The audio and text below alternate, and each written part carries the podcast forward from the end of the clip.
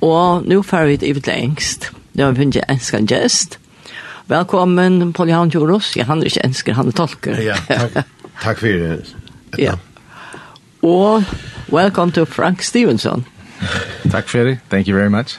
Som er leier for Høves, skrivsona til TVR Transworld Radio i Slovakia. Og vi får begynne, ja, og Polihan, han tolker så, Og det første som vi får spyrje om det er TVR, hva det er det, om hva helt stort si hva det er, og enda mal, vet du. Yeah. Well, could you tell us uh, just shortly about TWR and the main goal of TWR? Please. Yes, uh, very, very gladly. Yes, I did a failure. Transworld Radio is a worldwide media missions organization. Transworld Radio er ein ein Mila uh, station som uh, nær eller som er fyrir allan heimin. Basically a network. Uh, uh, I grunden eit eit netverk of many different media and radio partners. A netverk av monkon milon og mila partnerum and our passion or our goal is to um to speak hope to the world. Og okkara, eit av okkara høvesendamalen er at uh, tala vogn til heimen. And the tools that we have to do so are with media and radio. Og, uh, og, og anbøyene som vi brukar, ja, det er milaner, og her er radio-milen.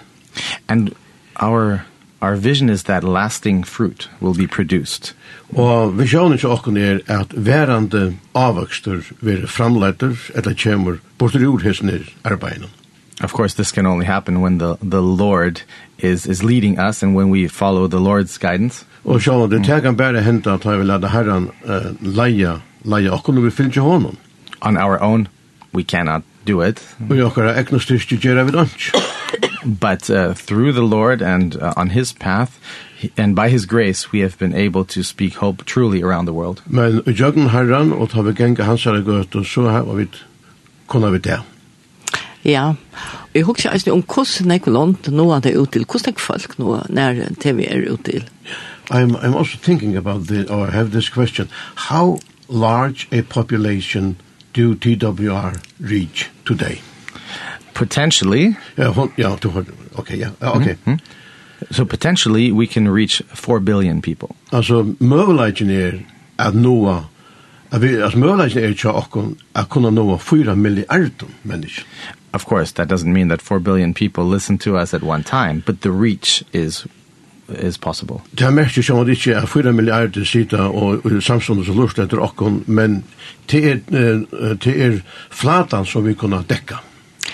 Ja, og, og hvordan er land, uh, snurda seg om, hvordan er land kommer det til? How many countries do you, do you reach? So we, uh, we have broadcasts in over 190 countries. Vi har sendt i meira enn 190. Og meira enn 190 land. And in over 300 languages. Og meira enn 300 tungkomalen.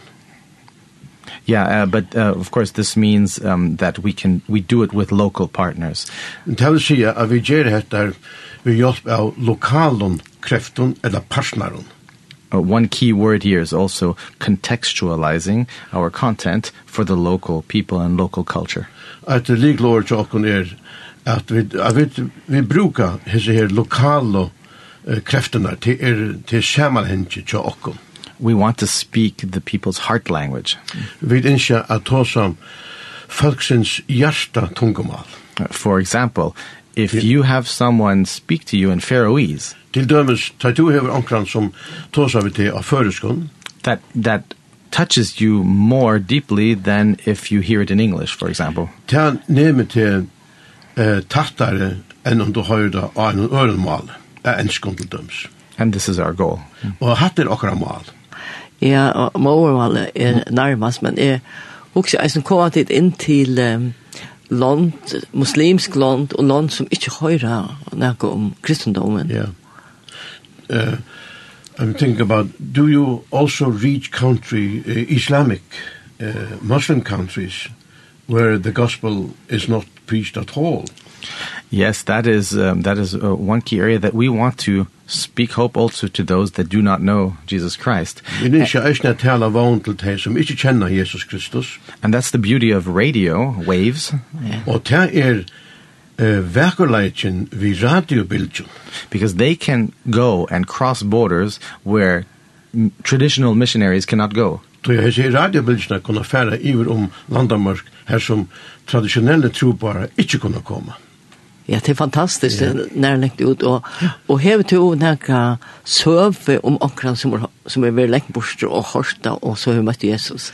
This is fantastic. Do you have can you share any any any story for us today about a person that has uh, that, that hadn't heard the gospel but heard it through to you to TWR? Yes, we're we're grateful for responses around the world and I have one in mind. Yeah, we did a tacksamma för det til respons eller att som vi får ämnen fra i heimen og i havet akkurat og i sinnen. So there was a there was a there was a man um involved in the drug industry in Colombia. Det var en man som var involverad i rus eller i i i rus evenes i i where was it? In Colombia. In Colombia. Rus i Colombia and Colombia is known for uh, its drug trade. Og og Colombia er jo kjent for for rusevnes uh, framleisle. So this man og handel. So this man named Carlos was um serving Pablo Escobar. Og the famous drug king. His name Carlos han arbeidde jo ein og ekva kjent under eh narkotika mafia mann and he had many people serving him. Og han er ein nekk folk som arbeidde under honom. And then uh, one day he came, uh, well, he was uh, in the middle of nowhere in the jungle. Well, ein fer at han var ja mitt in i frumskåne. And he was uh, he was injured. Og han var sartur av ein til øron. Eller var kommet til skia. And I I think he had a radio with him. Og men han heyr etter radio radio told chaser and he happened to listen to the broadcasts of Transworld Radio og, coming uh, in Spanish. Og det hendte at uh, han hørte en, en sending fra Transworld Radio av Sponskum. And that led him on a journey to ultimately become a believer. Og det led han inn av en alla alla lei som endaliga leit han agerast ein tryggvant because at that time all his people that normally were with him were not there. Tui at hasa løtna var all her som arbeidde sjån og så vanliga var som er vegen hun. Unge vær her. So now he, be now he is a pastor uh, in, in Bogota, in the og, capital of Colombia. Og her som er der er pastorer i en samkom i hovedstaden i, i Colombia, Bogota, da Bogota. And is a wonderful um, testimony of how God can change lives radically. Og han er en underfull vittnesbyrd om hvordan god fullkomne kan brøyta liv, menneskeliv. And by God's grace, Transworld Radio was um, one part of this process. Og av Guds nøye var Transworld Radio en lier i hissen her. Ja, det er fantastisk å høre, og jeg synes det er hardt arbeid i Transworld Radio, så det man fær sånne atmeldinger og særkostutninger vis det er. ja. it's fantastic to, to hear this and, and it is uh, fantastic to hear the, uh, the stories that you get uh, back from people that have experienced the message that you preach. Thank you. It is yeah. also for us very encouraging. Yes, because it's hard work. On yeah. is it's hard work, this MTV. Yeah. Måste du ta sig för. Ja, ja, ja. Det är det är det är hårt arbete. Ja. But we want to just use whatever tools we have, digital media and radio in a traditional way, both, both of them. Vi ikke bruker de amper som vi har, det digitale amper og så det analogiske uh, radio. Og tog jo flyr av sted, og vi skulle jo eisen en annan gestur, så at uh, jeg alltid er for først å si takk. Vi, the, the time flies away. We're going to have another guest here and uh, I want to thank you so much. Men men kanske har han lucka för att jag kom in att och se hur vi kunde stola att kunde ta gata då. Yeah, but ah. probably you could come uh, later. Uh, I mean today after the second guest mm -hmm. and just tell us how we can support how sure. Faroese can support the work yes, yes. of of uh, TWI. Yeah, thank you very much. Yes. I'll be glad to do so. Vi tar jag från dig kostar då så men detta är det. Men uh, du ängstar en sang you wish a, a, a song? Yes, well, one song that uh, that fits um, maybe this this topic would be from Casting Crowns until the whole world hears. Yeah. Ja, det er sanger som passer vel til evne med å som Casting Crowns. Han får et høyre, and thank you for coming. Thank you very much.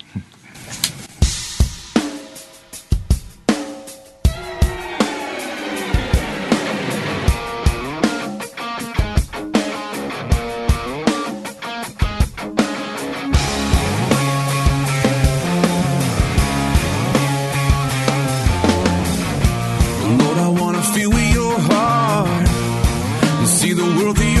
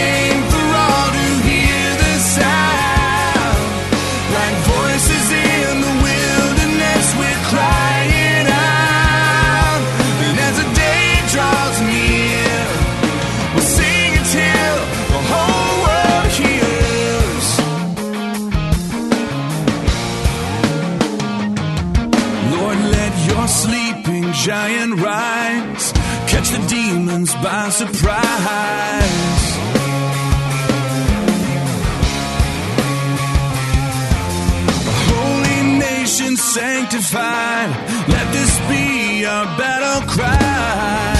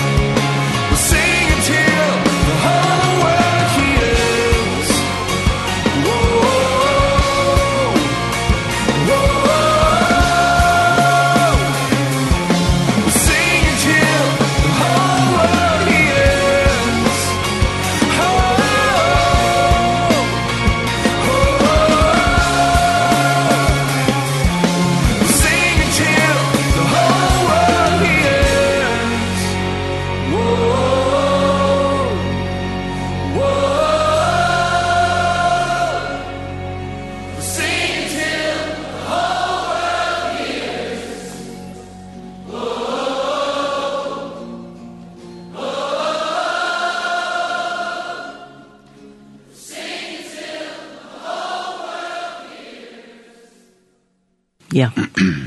Her hørte vi sangen Until the Whole World her i Casting Crowns. Og akkurat neste gjester er kommet inn og til Peggy Banks. Og hun alt kjører leier at vi er kvinner vi vågen. Velkommen.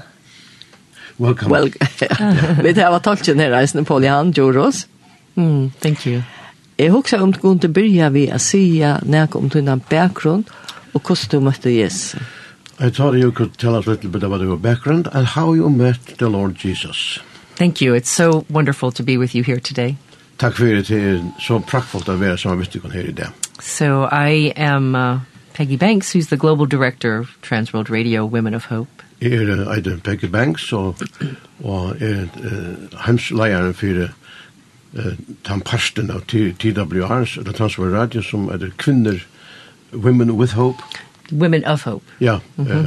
Kvinner vi vån. Kvinnor vi vån, ja. Vi vån, ja. Yeah, so I, I didn't grow up in a Christian home. I came to know Jesus much later in life as an adult. Jeg vaks ikke opp i en tryggvandig heime. Jeg kom å kjenne Jesus uh, sentene som vaksen. But today I get to work with women all over the world and hear their stories. Og i det arbeidet så har vi kvinnen om Adlan heimen og høyre tæra søver. I'd love to tell you a story about a woman coming to know Christ. Yeah. Og jeg vil se der søvna. Story. Om, om en kvinne som kom til Kristus. The story begins of a 30-year-old mother who had three children. So man börjar vid en 30 år gamla mamma som eier tre barn. And she was pregnant with a fourth child. Og hon var på vägen vid till fjóra one evening while sleeping next to her husband, he died of a heart attack. Og en av nottena hon svever, hon og mævren sova, og han døyr av en hjerteslea hesa nottena. When she went to bury her husband, she found a note that showed he was having an affair. Og ta jo, og under gjerraffærene, ta fann hon en, et notat av henne på som sier henne at han heja en affære vid synar av. This mother was very hurt and broken. Og händan kvinnan, uh, mamman, eller händan mamman, hon var eh, sunderknust av hessen her. And two weeks later she gave birth to a little girl. Og tver viker sætne så fødde hun en lille jente. But this little girl reminded her so much of her husband she wanted nothing to do with her. Og hendan gentan mynti han hana sånn ek og mannen som hon i røndu vere nu anki vildi hava vi gjera. When this little girl was seven, the mother remarried. Ta jo hendan gentan blei tjejer og gommel, ta giftes hon oppater. And this stepfather started to sexually abuse the little girl. Og, og fosterpape hennara, Esa tjejer og gamla, han misbrukte henne seksuelt. And this girl was always searching for a safe place to feel love hendan, hendan, hendan lilla gentan, hon var alltid leidande etter en tryggum plass hver hun kunde få karlaga. She grew up to be a young woman and had made very bad choices in her life. Hon vaks upp til en unga kvinne og hei tidsi mengar skaivar avgjerir ui sinne luive. But one day a friend invited her to church.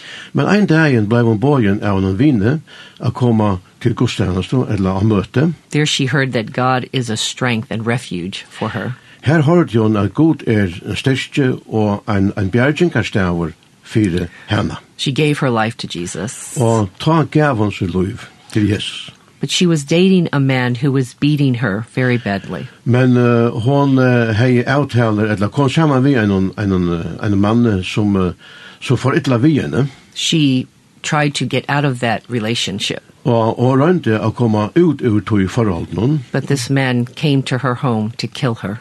Men hesen her eh, nævren, eller såkallet vinnerne, kom, møtte opp i heim i henne uh, vi til endamal, jeg drep henne.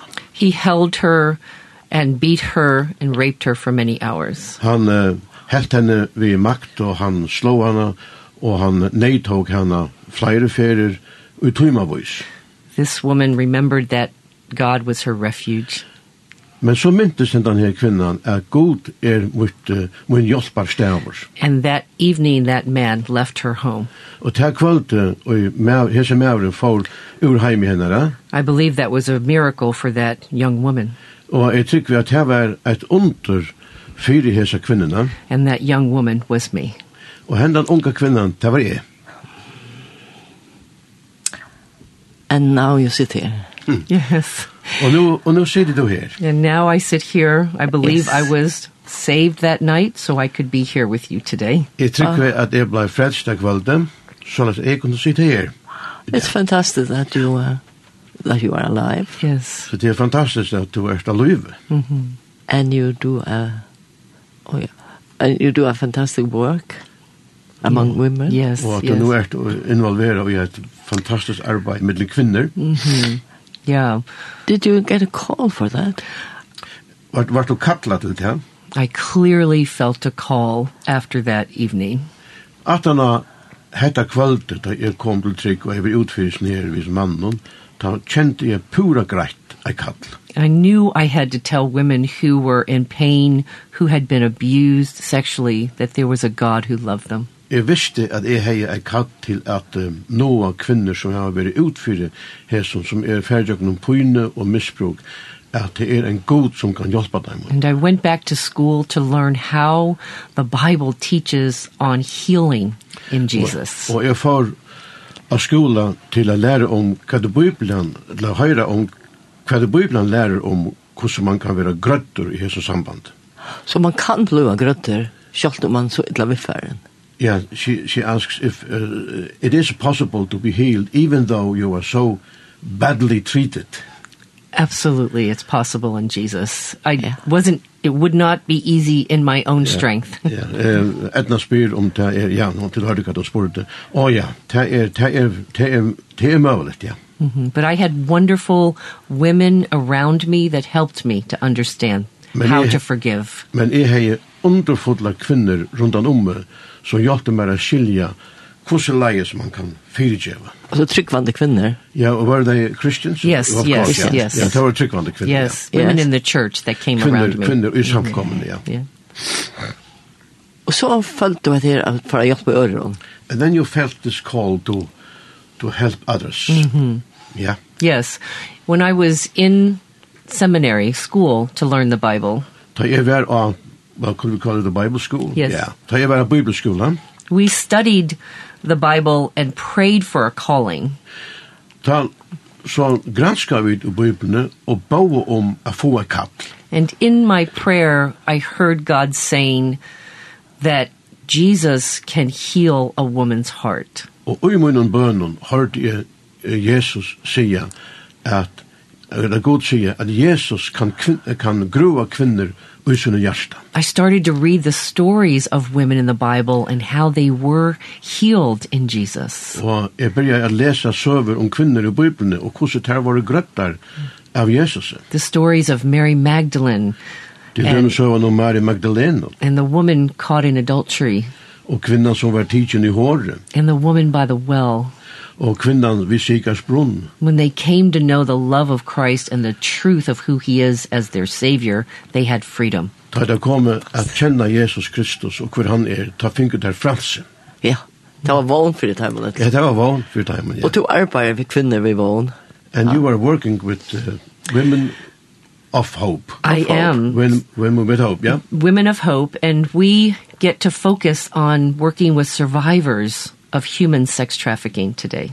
Og vi arbeider vi, vi kvinnen som er kommet i jøknen en her kvinnehandelen, eller som man kallar enskon trafficking, som er kommet i jøkkenen til prosessene. We partner with organizations all over the world that are on the ground ministering to vi women. Vi er partnerer vi organisasjoner rundt om i heimen som er av økjenen av hesson arbeidsøkene. We come alongside them with messages and programs of hope about Jesus for these women. Og vi kommer dem til hjelper vi en bådskap om vågen til hese kvinner.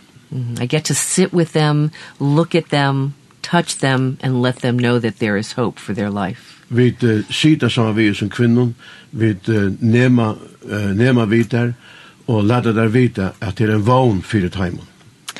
Um, Her du Du har sjåan seg nekva kvinne, men hev du okra, okra dømit eller søve, du kan fortelle om en slukka kvinne.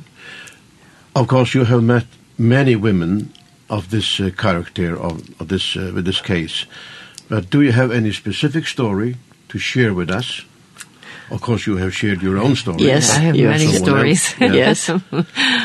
I was in India teaching a conference Jeg var i India og undervist i en konferense.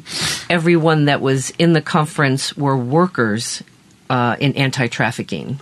Og alle, alle lottakerne til konferensen, konferensen tar arbeid Og uh, innanfyr heter her er vel at arbeid tar arbeid i måte hessens læren av kvinnehandlen. But many of these leaders were survivors themselves. They had been on the street at og, one time. Og nekker av leierne og konferensene var var själver var själva offer i sunnare tog och just ner var kommande kökten hettar og var nu As, as I started to teach on the love of God, there was a woman in the back of the room that didn't want to listen to me. Så vi började att tala om karlaga gott, så var det en kvinna som satt helt där efter. Hon ängst inte höra. She had a very, very strong arms crossed and angry face. Uh, hon hade ett, uh, ett anled som som sa, hon sa utlaver ill og, og, og, og sette seg opp med motor, sa leis, vi, vi kroppsspråken i motor. She thought, what do you have to say to us? Og hon, enda kvinnan hugsa i, at hva hever tu å sija okkon i jesu samband. As I started to get to know this leader in the back of the room. Og som jeg byrja jeg kom å kjenne leieren som var her atri i, i hølunnen. When she was eight years old, she witnessed her father burning her mother to death. Så so, hon var åtta år gammal upplevde hon att papi hennara brände mamma hennara till dejes. Eller i hel. Her father remarried when she was nine years old and the stepmother wanted nothing to do with her. Papi hennara giftes atter. Ta hon var nutja år gammal. Hon var så tjejer att det hände, nutja år gammal. Och första mamma henne ville inte ha vi henne att göra they put her out on the streets in India and she was shortly there trafficked. Og ta kordi han ut av gøtene her i sånne her indiska bøynun i Indien, og her var hon uh, kjøtt involvera i kvinnehandel. She never uh, thought that she would be saved and was sexually abused for over 15 years. She, she never never thought she would be saved. Ja, vi 15 år hugsa og var for en jökna där och at, at att hon för angående av bli frelst. And we started talking and she knew there was a God who loved her. Everything broke down in her. Og vi började at ta oss av henne om god, men alt farliga som til anches in i ojäne. She cried for hours and hours and hours together. Og hon græt som av vi og i tymavvis. I went back to India for five years. Og jeg var atter til Indien, and you were there five years, og var her i fem år. And I worked with her about God's love for her. Og jeg arbeidde vi henne i samband med Guds kærleika til henne. And God's healing for her. Og at God kunne uh, hila, eller grua henne. And today she is a strong Christian og i det er hun en stersk tryggvande kvinna. And she is married and has her own children. Hun er gift og hever sine og gift og eier barn. And has written a book about her life today. Og hun skriver en bok om sitt liv i det. At det er fantastisk å høre at du forteller seg her sjøvner fra verleggen og det som tog i jøkkenen og It's fantastic to hear these stories from uh, real uh, real life mm -hmm. and what you have experienced. Mm. Ja, og at det er vågen. And that there is hope. Yes. There's hope, yes. Yeah. Yes, there really is. You know, I think in the darkest places of the world, God shines his light of yes. hope. Jeg tykker vi at det er miskast og støven i heimen, her lyser god ved sunnere vågen. Yes. So you have been, uh, jeg tror over fem år i Indien, altså. You, you, were, you, you said you were five years in India. I would go at 5 years for training there every yes. year for 5 years. Ja, mm -hmm. er i her in the middle og ta er i 5 år. Yes. Hvor jeg fyrir altså. So you are a busy lady. Mm -hmm. yes, yes, I travel 3 to 3 weeks a week, 3 weeks a month. Yeah. Yeah. Yeah. yeah, we have ministry all over the world with human sex trafficking in Germany, Amsterdam. Vi arbetar om Atlanheimen, Tyskland, Amsterdam. Mhm. Mm innanfyr kvinno ja, uh, trafficking. Mm -hmm. So det er nekko London. Det er nekko London. So this, uh, this trafficking is in many, many countries. Yes, yes it is. Yes, yeah, it is. Er det. Yeah, we have a program called Hidden Treasures. Vi har oh, en, en, et program som kallas for Fjalter Skatter. And they're real stories by real women og hette er, hette er verilige søver, aktuelle søver, av verilig, fra verilige kvinnon. Conversations with a woman who introduces them to Jesus. Uh, samtaler vi, vi, vi kvinner som introducerer hese kvinner fyrir Jesus. And as they listen to the programs, they hear themselves in these stories. Oh, yeah. Og som de lusta etter hese programmen, så kjenner de seg selv at after. Mm -hmm. Yes. Yes, and then we have many scriptures and talking to them about the love of Christ. It introduces them to Jesus. We have mange skrifter, og hese skrifterne introducerer deg overfor Jesus. And then we have teams that follow up to disciple them. Og så har vi, så har vi timer så fyllde seg kvinner opp for å gjøre det her i Alpanhamn og ble lærersvenn. Like the women did for me. Ja. like det, det ble gjort vi med personlig. Yes. Men det er fantastisk at de klarer det her var sånne tøymer rundt her. It is fantastic that you managed to have these uh, many teams around the world. Mm. Yes, yes we do. In 125 different countries. we have teams. 150. 125. 125 imenskunde London. Teams on the ground. How vi timer. Mm -hmm. You are the leader. Yes, yeah. I am. Yeah. Yes. Oh. yeah. But I have a one I have wonderful teams around yes. me, but I am the, the director. And Jesus is the hope. Yeah. That's right. He leads us, guides us. Yes. Yeah, yeah gives us hope. Yeah. Jesus God. Yes, it's yeah. God bless you in this work. Mm. Thank you. Good signet here, ja. Yes. I'm very thankful to do it, and I'm very grateful for the calling. Jeg også om, um, ja, nu klokka fær, men uh, hver, vil, vil de høyre mer, hver kunne de fære? Folk som lurer nå? Ja, uh, she asks if the well, people that, that are listening in the radio now, they probably would like to meet you and uh, in a meeting somewhere. But it, are you leaving no. tomorrow or? No? I am I am here till Friday. Oh yes, ja, hon er her lycka till uh, Uh, til frugja deg. Yes. Vet du hva det er? Ja, tonight you will be at Ebenezer. Uh, tomorrow night. Ja, tomorrow night. Ja, ja, sorry, sorry. Yes. I anna kvöld vera hon og han, han som er av ja, og i Ebenezer, mm, klokkan yeah. åtta. Yes. Ja, yeah. i anna kvöld. And I'm so sorry, my traveling partner has all of my schedule, but tonight I am also um, Yeah. I will ask him. Yeah. Yes. Og i kvöld er jeg ikke ankerstjerne, men uh, han som er som er vimmer, han er programmet, ikke er klar i hvilket eiter og hvert. Ja, men jeg vet, jeg vet at det skal være i Elm høstmorgen. Ja, Kafé. og i Elm, selv fyrir Ja, da, no say du I don't want to go see the Einstein. Ja, Yeah, we, we, maybe know, you could announce it. Yes. Yeah, I know that you'll be in in a village called Sjöldafjord. Yes, for the yeah. coffee house. Yes. The coffee yes. house. Mm -hmm. right, yes, yes. So tid är det velkommen som lusta. Så kunne du höra meg fra Becky. Yeah. Yeah.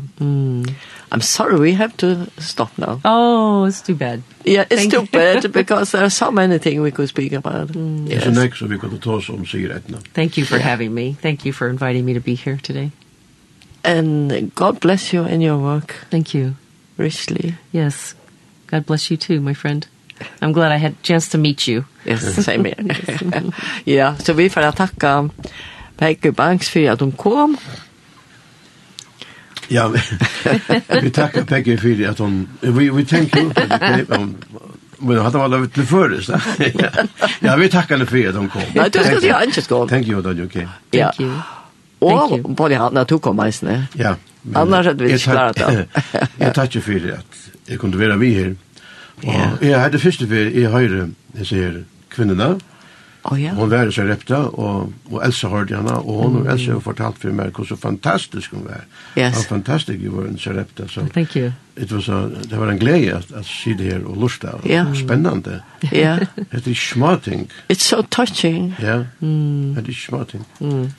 Thank you for interpreting for me today. and you are a miracle. Oh, yes. In his hands. In gosh. his hands, yes, yes, yes. yes. His grace. Mm. Okay. Yes, we are going to this to listen to a song now and it uh, we have looked at the um, uh, and I'm just you keep hope alive. Jan Reddick.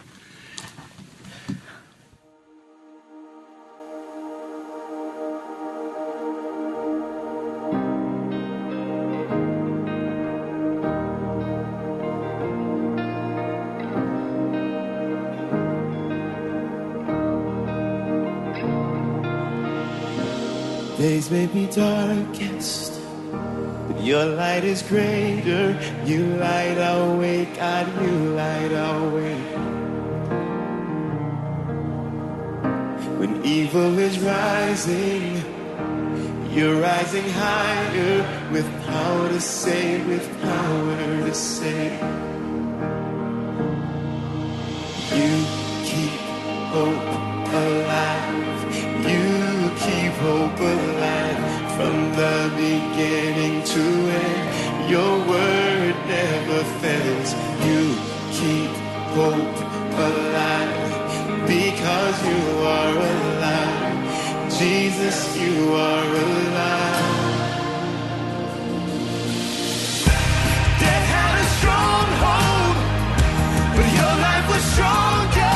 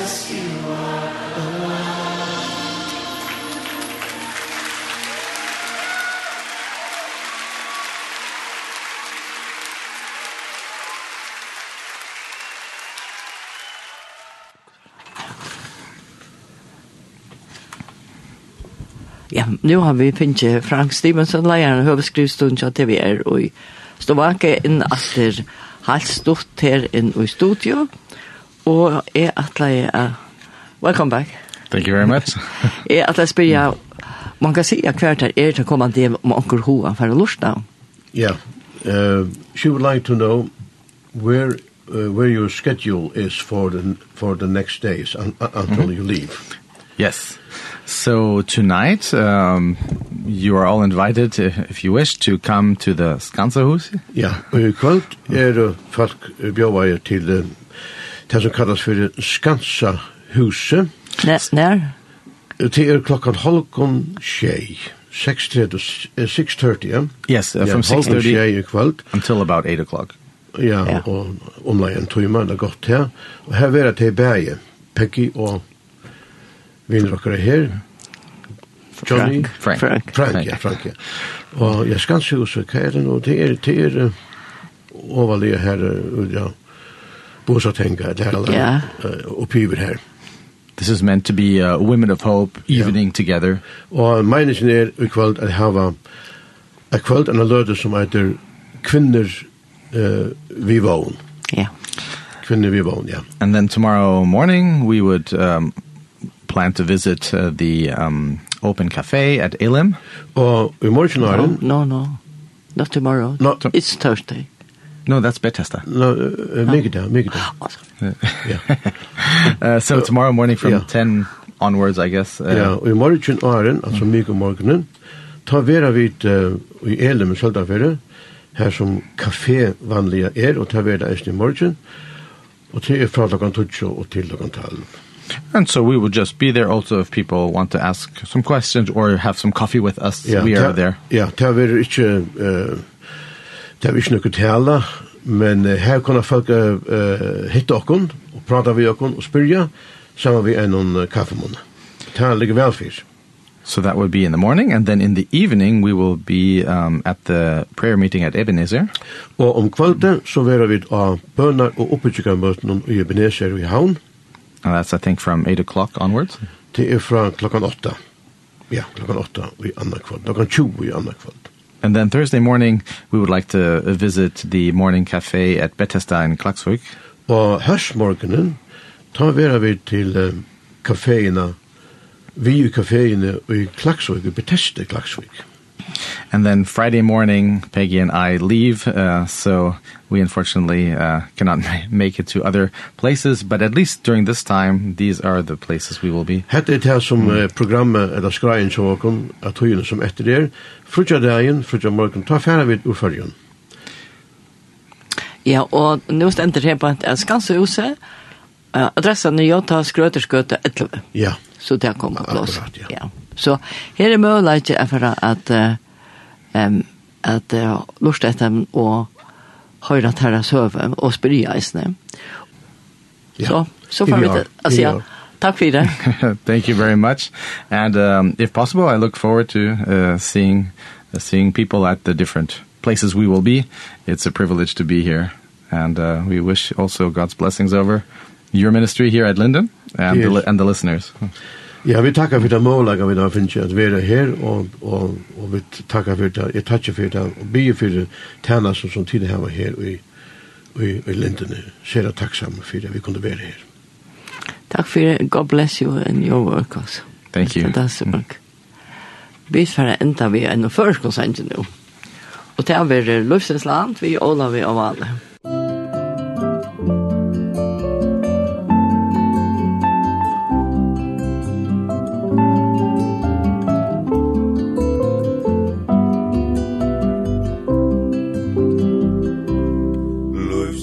land mot eia til eg bursdur homa kan Kyrkjan til og i fævor leika skrut Andan hev og ödnar vi vår fjall Tulitja man fagra undur fodla heimland mot Menga fyr ta tu av nudjun bystis fyrir mer Settu sal og jarsta tu i brand.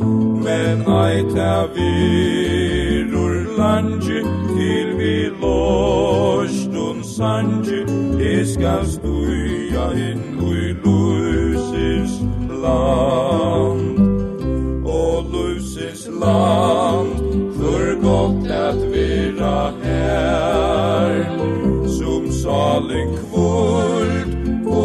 allar evir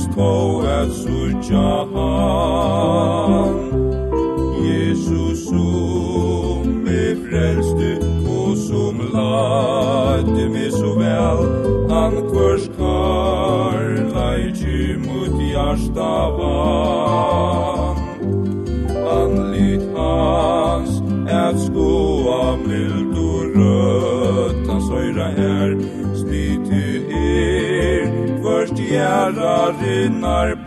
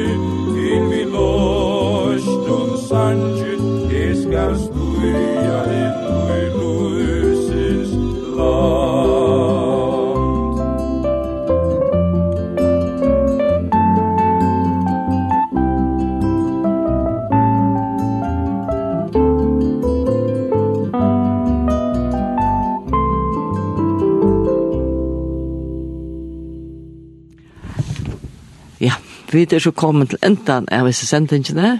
Tog jo flere steder, og vi kunne brukt den ikke mer av tog, men det som vi har haft her i det det er at først var, hørte vi Vitja Elsie Hansen, hun får komme og se fra noen hendelser i samband med outreach i Indonesien, og hvordan god hei lett det her, og så har jeg haft Vitja fra Falsje fra TVR, Transworld Radio, og her har vi lagt særlig den til å arbeide som det her i samband med kvinner og mån, og vi tar snakker um, fantastiska hvordan Jesus kan grupe inn og hjelpe selv til alle ringene til. Så til det som vi har haft i dag, og her i utvarstående er um, Jekvann Sone Dagensen, er um, tekniker og etno haber verster. Så vi takkar vi okkur morgon og ikke at ikon en vasikna enn det er vi er. Og sendingen vil enda kjent i kvöld klokkan akkur i vi i cirka. Byrjan. Tøvn er langre innom flere av Så ja, farvel.